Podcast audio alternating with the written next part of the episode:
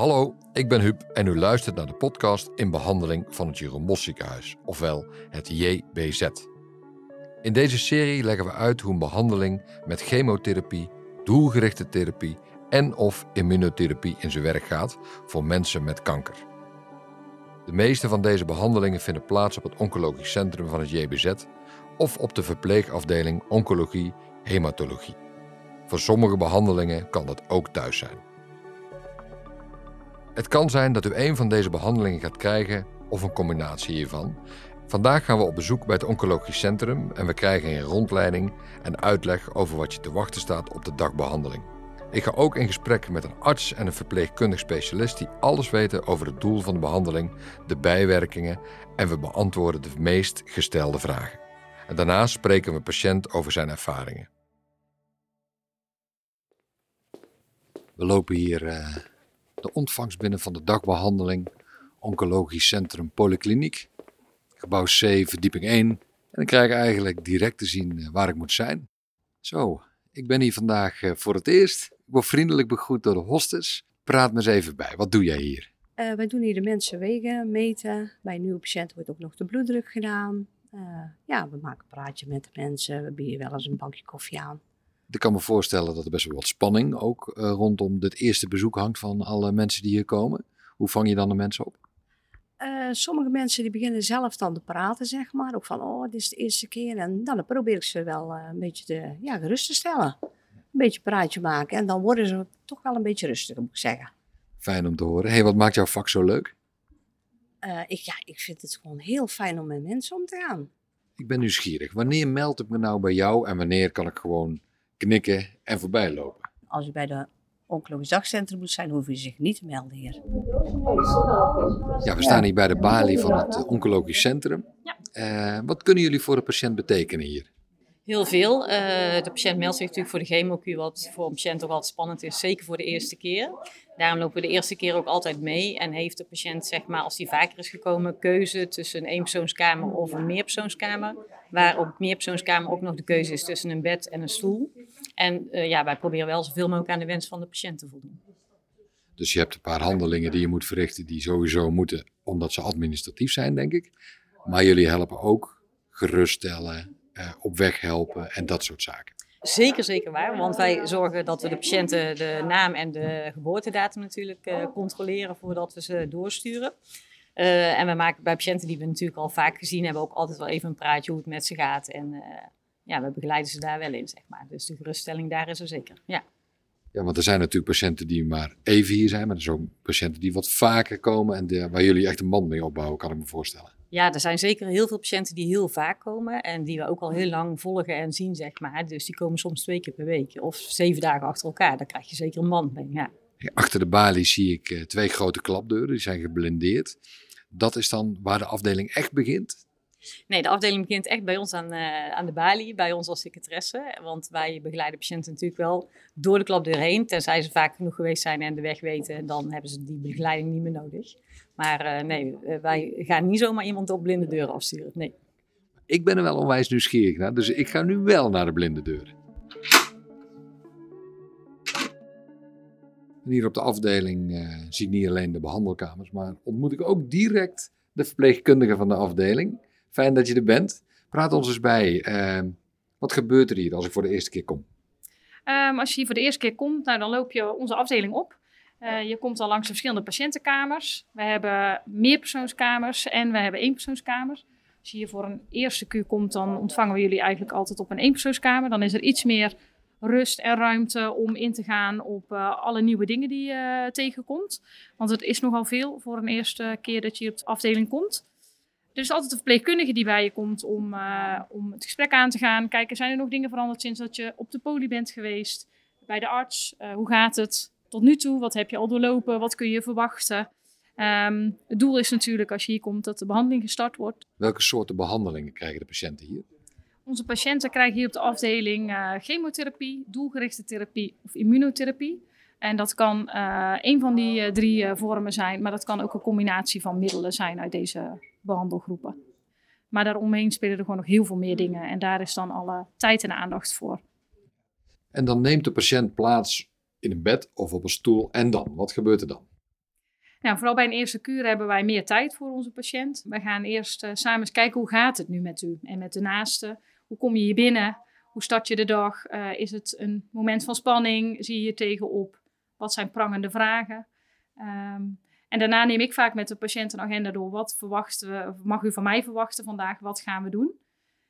Het doel is natuurlijk de behandeling krijgen. Maar vooraf zijn daar heel veel vragen uh, die vaak al bij een verpleegkundig specialist besproken zijn, maar soms toch nog onduidelijk. Uh, daar gaan we vaak eerst op in. Daarnaast zijn er veel dingen die belangrijk zijn uh, voor een patiënt om te weten, die ook al op een poli besproken zijn, maar er komt zoveel op patiënten af. Wij gaan belangrijke dingen nogmaals doorspreken.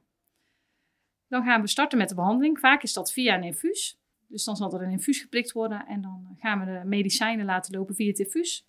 Soms is het ook via een injectie subcutaan, dus een prikje onder de huid. Um, dus afhankelijk van wat voor behandeltoedienvorm dat er is, uh, gaan we de behandeling starten. En kan ik tussentijds, als het infuus loopt, lekker een boekje lezen of een podcastje luisteren of muziekje aanzetten? Kan dat? Ja, zeker. Ja, zeker. Vooral een eerste kuur heb je alle ruimte en rust op een uh, eenpersoonskamer. Maar ook op de meerpersoonskamer is daar uh, alle ruimte voor. Uh, als er een infuus toediening is, dan staat die gewoon op wieltjes. Dus die kan lekker mee. Dus er is alle vrijheid om naar het toilet te gaan. En verder um, wordt er hier altijd gezorgd voor iets te drinken. Um, rondom lunchtijd is er iets te eten. En um, dan is de invulling aan de patiënt hoe dat ja, wat fijn is. En de een leest een boekje, de ander uh, vindt het lekker om een muziekje te luisteren. De ander gaat graag het gesprek aan met andere patiënten. Um, of heeft zelf heel gezellig gezelschap bij. Dus ja, op zich ben je daarin nog heel erg vrij. Want ik mag altijd iemand meenemen hier op de afdeling? Ja, ja we hebben de afspraak dat er altijd één iemand uh, mee mag komen.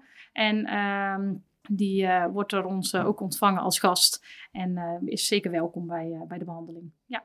Jullie houden in de gaten wanneer uh, mijn behandeling bijna klaar is of helemaal klaar is. En dan? Als de behandeling klaar is, dan, uh, dan mag je weer lekker naar huis toe. Bij een infuustoediening uh, geeft het infuus meerdere keren alarm tijdens het inlopen. Dat zijn altijd voor onze signalen dat we iets moeten doen. Dat het infuus over moet naar een volgend, volgend middel. Ja, verder ben, je, ben je daarna, als het allemaal klaar is, weer vrij om naar huis toe te gaan. Ik zie nog meerdere collega's van jou die hard aan het werk zijn. En ik zie ook mobiele uh, computers staan. Hoe werkt dat? Ja, dat klopt. Uh, dat zijn onze COWS, Computer on Wheels. ja, daar kunnen we eigenlijk uh, niks meer zonder.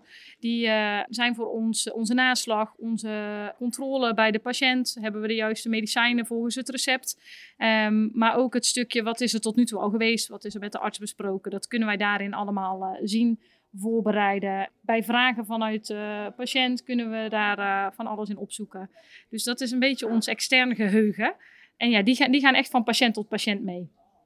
Mooi. Ik, ik, ik, ik voel ook een bepaalde rust hier, maar ik voel ook een bepaalde ontspannenheid op de afdeling.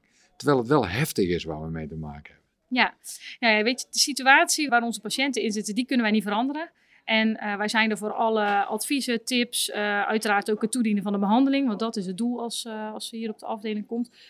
maar daaromheen moet er ook wel ruimte zijn voor het gesprek over allerlei andere dingen. En daar horen ook gewoon her en der grap bij. En onderling merk je ook dat patiënten met elkaar de gesprekken aangaan. Onder collega's wordt er, wordt er een lolletje getrapt. En ja, je merkt vaak dat patiënten dat ook wel een hele fijne wending vinden in de dag. Um, in plaats van alleen maar stilstaan bij de ziekte en de behandeling.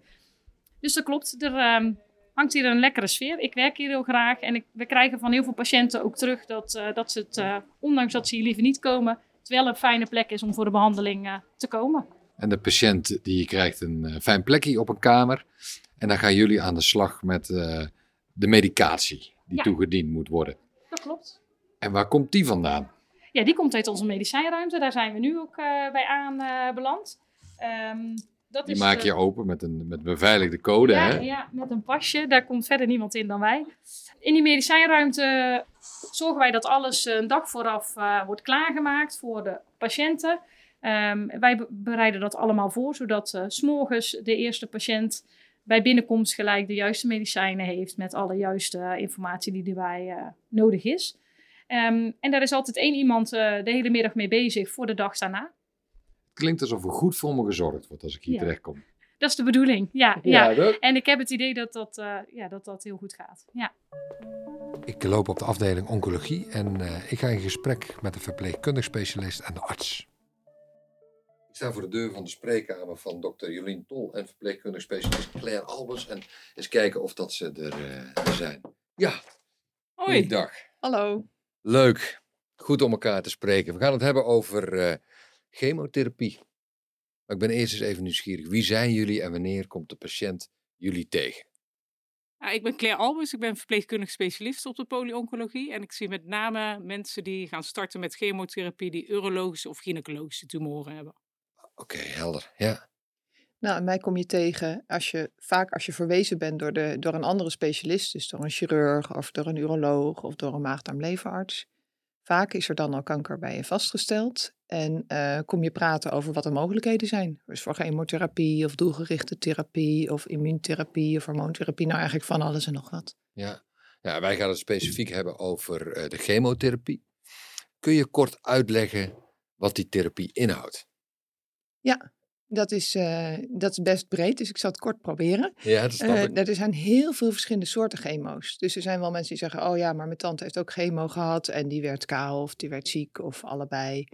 Ehm, maar dat wisselt dus enorm wat voor soort eh, middel. Er zijn tientallen verschillende soorten.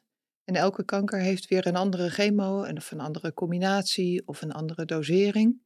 Dus chemotherapie is eigenlijk ja, net zo verschillend als er verschillende mensen zijn, zeg maar. Ja, en, en hoe ziet het eruit? Hoe, hoe beleef ik het? Wat, wat gebeurt er met me als ik, als ik chemotherapie krijg? Nou, het is zo, chemotherapie eh, tast eigenlijk de slechte cellen, sneldelende cellen, dus de kankercellen aan. Ehm, maar daarnaast ook helaas de goede cellen. Dus mensen kunnen er best wel moe van worden en soms misselijk. Maar dat verschilt ook weer per chemotherapie welke bijwerkingen je kan krijgen. Ja, dat snap ik. En is het, is het een, een, een infuus of is het een pil of is het een spuitje of wat is Het, het? kan, eh, eh, het kunnen tabletten zijn, maar het kan ook een infuus zijn. Dus je hebt ze in infuusvorm, maar ook in tabletvorm. Dat zijn de twee varianten die we hebben. Ja. En soms zijn ook eh, spuitjes. En soms geven we ook een combinatie. Dus een chemo-infuus. En dan ga je daarna door met chemopillen bijvoorbeeld. Ja, oké. En, en gebeurt het in een dagbehandeling of wat, wat, hoe ziet het er, wat beleef ik?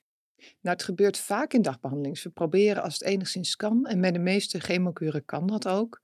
Om het in een dagopname te doen. En dat varieert van, van een uurtje tot soms wel, eh, nou, soms wel vijf uur. Als het echt een hele lange kuur is. En er zijn uitzonderingen. Dus sommige kuren die redden we niet in één dag. En daar moeten mensen eh, voor overnachten. En soms zelfs een aantal nachten. Maar het is echt een uitzondering. Ja, en, en kom ik in mijn uppie naar jullie toe of mag ik iemand meenemen? Je mag altijd, als je voor de eerste keer komt en ook eh, als je terug moet komen, mag je altijd één iemand meenemen. Mag altijd iemand blij blijven, dat hoeft niet, maar dat mag.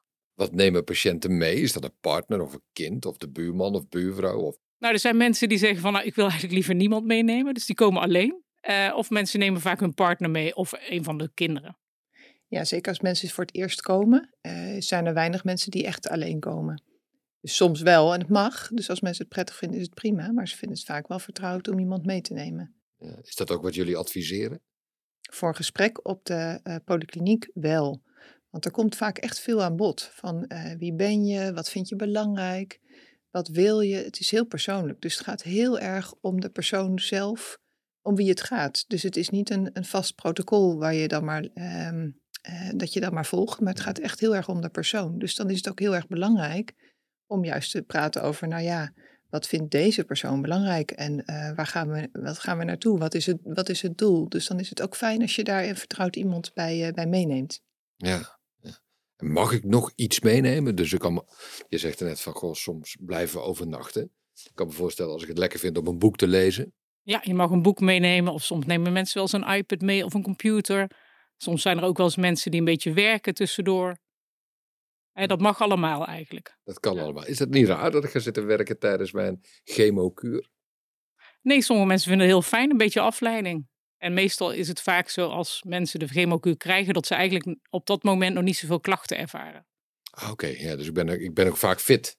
Ja, en, eh, en je krijgt vaak ook medicijnen van ons eh, om je wat fitter te voelen of tegen de misselijkheid of tegen een allergische reactie. Daar kan je soms ook wel een beetje slaperig van worden. Dus die mensen die werken vaak niet zo heel best dan. Maar dat wisselt een beetje. Ja, dan heb je het ook een beetje over de bijwerkingen. Wat, wat kan, moet ik me daarbij voorstellen? Nou, we zien wel vaak dat mensen wel moe worden van de chemotherapie.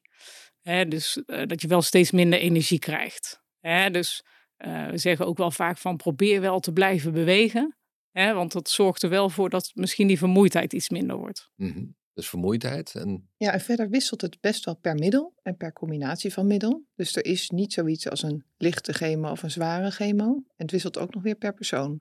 Maar er zijn best wel mensen die wat last hebben van misselijkheid. Daar hebben we allemaal medicijnen voor. Er zijn mensen die last krijgen van diarree bijvoorbeeld.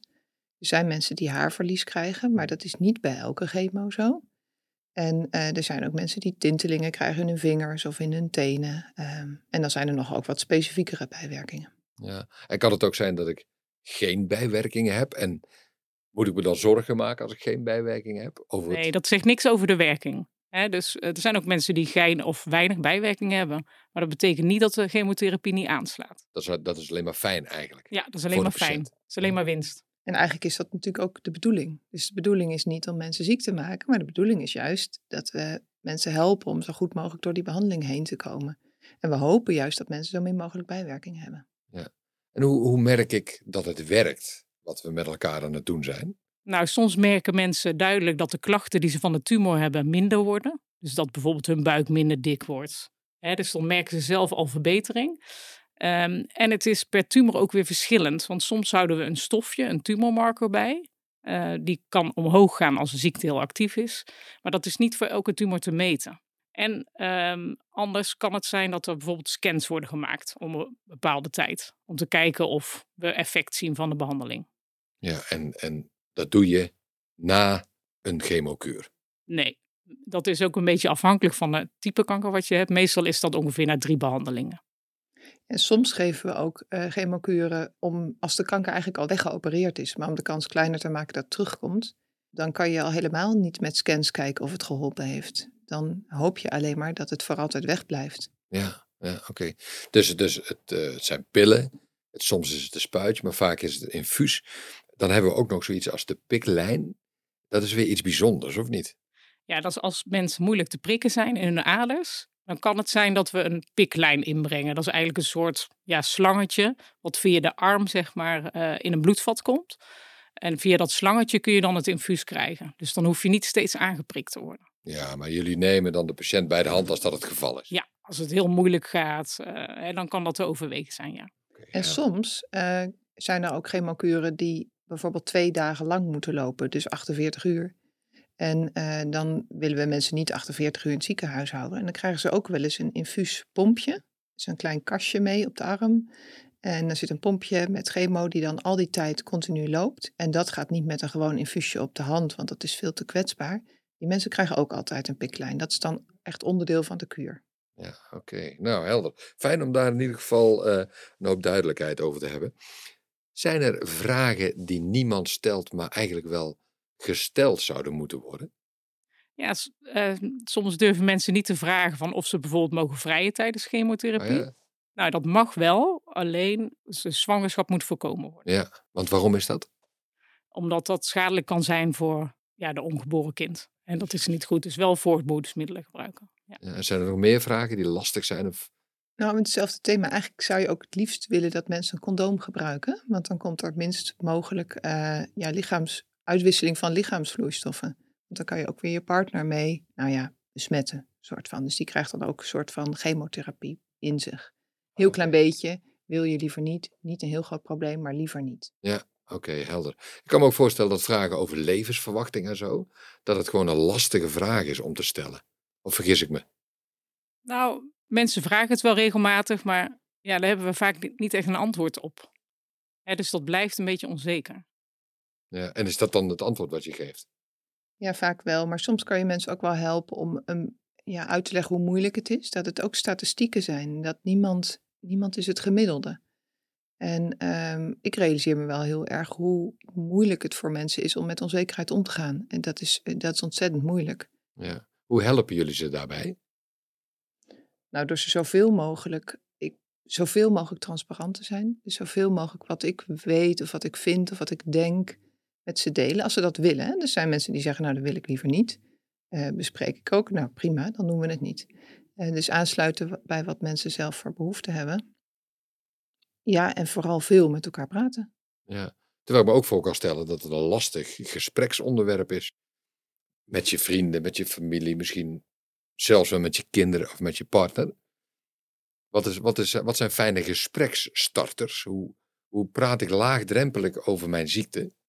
Ja, we zeggen toch wel vaak: probeer wel bij je gevoel te blijven en wel te uiten wat het met je doet. Want anders weet de omgeving ook niet hoe je erin staat. En vaak als je jezelf kwetsbaar op, uh, ja, uit, dan doet de omgeving dat vaak ook wel. Hè, en zoek mensen waar je steun aan hebt. Hè, soms vindt misschien je partner het heel moeilijk om erover te praten, maar heb je bijvoorbeeld een goede vriendin die dat wel, wel de steun is. Ja, zoek die dan ook regelmatig op. Nou, dat is een heel belangrijk onderdeel in het hele proces. Ja, zeker. Ja, het hangt ook vanaf waar je zelf behoefte aan hebt. Dus er zijn mensen die zelf veel behoefte hebben aan bijvoorbeeld handvaten, hoe praktisch om te gaan met, met dingen, met werk, met verzekeringen, met kinderen, kleinkinderen. Er zijn ook mensen die veel meer emotionele vragen hebben of, uh, of uh, vragen over nou, de eindigheid van het leven, zeg maar, ja. om maar, maar een groot onderwerp te noemen. Ja. Dus dat wisselt nogal. Het helpt heel erg om uh, eerst voor jezelf duidelijkheid te krijgen ja, waar, waar het zit. Mm -hmm. En nou, dat is valt altijd met de verpleegkundige specialist en de oncoloog en de verpleegkundige op de dagbehandeling te bespreken. We zijn hier uh, echt in getraind om het daarover te hebben. Ja, dus stel alle vragen die je hebt. Oh, alsjeblieft. Ja. Oké, okay, mooi. Is er nog een tip die jullie elke patiënt mee zouden willen geven? Nou, wat soms kan helpen is om uh, vooraf bijvoorbeeld of zelf of door iemand een groepsapp te maken, waarbij je als je dat wil, hè, dingen deelt over jouw situatie. Want ik hoor van soms van patiënten dat ze heel veel aanloop krijgen van mensen die langs willen komen en dan geen nee durven te zeggen. Um, hè, dat kan soms voorkomen worden door heel duidelijk te communiceren, bijvoorbeeld via een app, hè, waar je behoefte aan hebt. En dat je één keer in de zoveel tijd je updates geeft. Hè, dat geeft soms wat meer regie. Ja, mooi. Dat is jouw tip, Claire. En Jolien? Ja, stel vragen. Bedenk zelf wat belangrijk voor je is, wat je wil. Uh, wat je be bijvoorbeeld bereid bent aan bijwerkingen te accepteren voor, om een bepaald doel te bereiken. En probeer dat voor jezelf helder te krijgen. En ga daarmee in gesprek met je uh, arts en verpleegkundig specialist. Oké, okay, nou fijn om eventjes met elkaar in gesprek te zijn. Uh, dit was het voor nu. Jullie gaan weer snel met de patiënten aan de slag. Dankjewel. Ja, heel graag gedaan. Graag gedaan. Ik schuif aan bij een patiënt die op dit moment uh, behandeld wordt op de afdeling. En uh, we gaan eens van hem horen hoe dat het met hem gaat en, en hoe dat de behandeling gaat. En, en, wat er allemaal bij komt, bij komt kijken. Hans, ja, fijn dat ik met jou in gesprek mag. Ja, vind ik ook fijn. Ja, Hans Denteneer, wie ben jij? En ik ben iemand die heel zijn leven gewerkt heeft en hier nou in het bed ligt en plotseling kanker heeft zonder enige verwachting dat dit ooit zou kunnen gebeuren. Ja, echt ja. door overvallen. Ja. Ik kreeg te horen, Hans, je hebt kanker en ik wilde gewoon terugrijden naar mijn kantoor. Toen zei mijn vrouw die ik opbelde, zei, nee, we gaan naar huis. Ja, je leven veranderde ineens, kan ik me voorstellen. Ja, volledig. En nog niet helemaal, want ook dan kun je nog nik niks bij voorstellen wat je gaat overkomen. Nee. En dan ben je ineens patiënt. En dan kom je in het Jeroen Bos ziekenhuis. Ja. En dan ga je onder andere de dagbehandeling in. Wat gebeurt er dan precies? Je, je krijgt te horen dat je, ik weet mijn eerste moment nog van dat ik chemo moest krijgen. En toen zei je, ga maar naar huis en denk er maar over na. Ik zei, dat hoef ik niet. Want? Ik hoef er niet over na te denken. Dat gaan we gewoon doen. Nou, ik ben, ik ben recht, uh, recht naar, uit, de, uit de kamer van, uh, van de specialist ben ik naar de administratie gelopen om een afspraak te maken om zo snel mogelijk die chemo te doen. En snapten ze dat, dat je daar zo rationeel in zit? Dat maakt mij eigenlijk helemaal niet uit. Zo ben ik gewoon.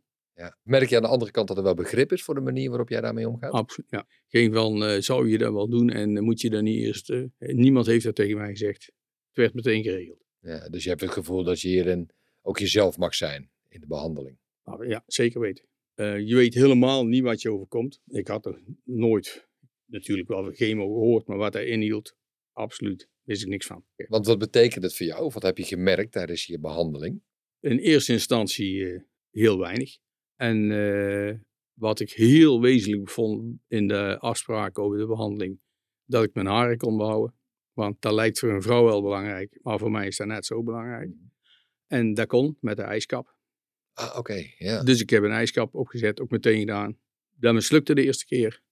Dus ik stond twee weken later onder de douche thuis. En ik pak mijn haren vast en ik trok er al mijn haren uit. Goh, dat was schrikken. Denk, ja, Dat was verschrikkelijk schrikken. Dan, eh, Dat is misschien nog licht uitgelegd. Ehm, ik dacht, wat moet ik nou? Want dat was gezegd met de ijskap, behoud je je haren. Ik had natuurlijk een hele grote, dikke bos haren. Ik ben meteen naar de kapper gegaan. Ik heb mijn eigen soort bebop laten knippen. Dat was niet zo heel vreemd, dat deed ik voor de grap wel eens meer. En de ijskap heb ik eh, dus een beetje, misschien wel de regie van de ijskap zelf genomen. Want een ander kan natuurlijk nooit voelen wat ik voel. Dus ik heb eh, vooral gezorgd dat eh, die haren heel belangrijk waren. En ondertussen heb ik mijn hoofd erg nat laten maken. Ijskap op. Zelf opgezet, want dan kan niemand beter voelen als ik zelf. Hij moest gewoon goed zitten.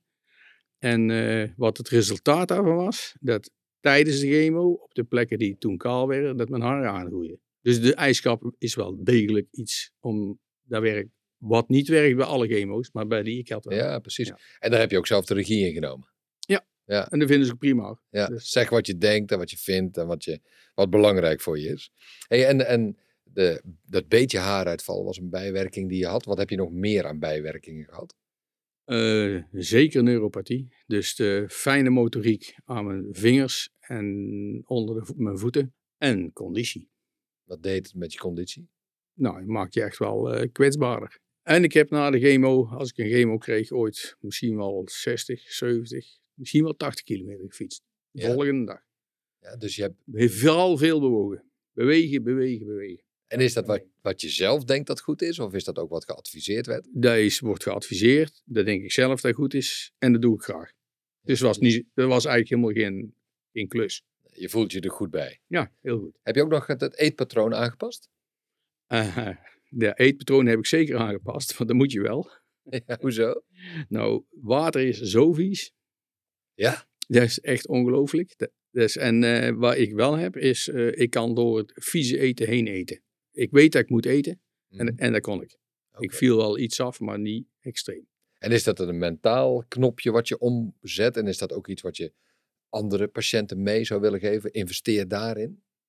Ja, ik denk het wel. Je krijgt allerlei adviezen. En hele boek, je kunt hele boekenkasten vol kopen. Je zult het toch zelf moeten proberen. Ja. Want de ene lust dit niet. eh, En, en het is ook heel raar, want bij de ene keer denk je van, oh, nu heb ik iets gevonden. En bij de volgende keer werkt dat niet weer. Dus het is toch steeds verschillend. Ja, maar jouw tip zou wel zijn, ook al smaakt het niet, of ook al vind je het lastig, dat eten is zo onwijs belangrijk. En zorg dat je voedzaam eet. Hey, en als je nou ehm, iets bijvoorbeeld achter zou moeten laten in het gastenboek van de afdeling oncologie, wat zou je daar dan opschrijven?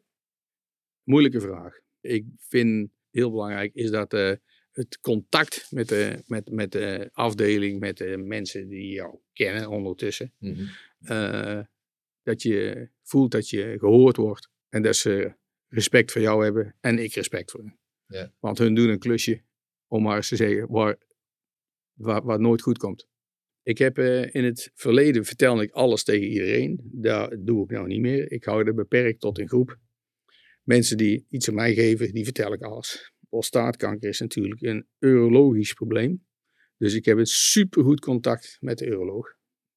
En eh dat is iemand die bij mij past. Die eh, praat ook het liefst tegen mij in dialect. Dus dat past gewoon het beste. En die is gewoon eerlijk. Dat vind ik, vind ik eh, dokter Tol ook. Gewoon, gewoon eerlijk zijn. Dat heeft geen zin om er een circus van te maken. Dus van de ene kant zeg je, ik, ik ben altijd mens gebleven daar. En de eerlijkheid tegen mij, heeft mij onwijs veel geholpen, duidelijkheid gegeven. Ja, En daar ben je van onder de indruk ook, de manier waarop. ja vind ik wel. Want eh, hoe, voor hun is het ook verschrikkelijk moeilijk om slecht nieuws te brengen. Ja. Dat weet ik zeker. Heb je tot slot nog één gouden tip of belangrijke tip voor mensen die in dezelfde situatie of soortgelijke situatie zitten als jij? Ja, dat misschien wel je gezin. Hè? Dat is gewoon eh, jouw achtergrond. En investeer daar dus in. Ja. Ja. Zoek daar de liefde die je kan gebruiken Ja. en de steun die je kan gebruiken. Ja. ja, ik realiseer me dat dit eh, jouw verhaal is. Hè? Het is een heel persoonlijk verhaal en zo heeft elke patiënt die behandeld wordt natuurlijk eh, een persoonlijk verhaal. Maar in ieder geval enorm bedankt voor wat je ons mee hebt gegeven. Geen dank.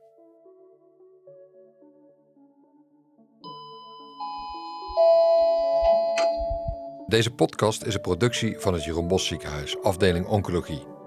Wil je meer informatie of heb je vragen? Neem dan contact op met het Oncologisch Centrum op 073 553 8225 of de Polykliniek Longgeneeskunde 073 553 2463.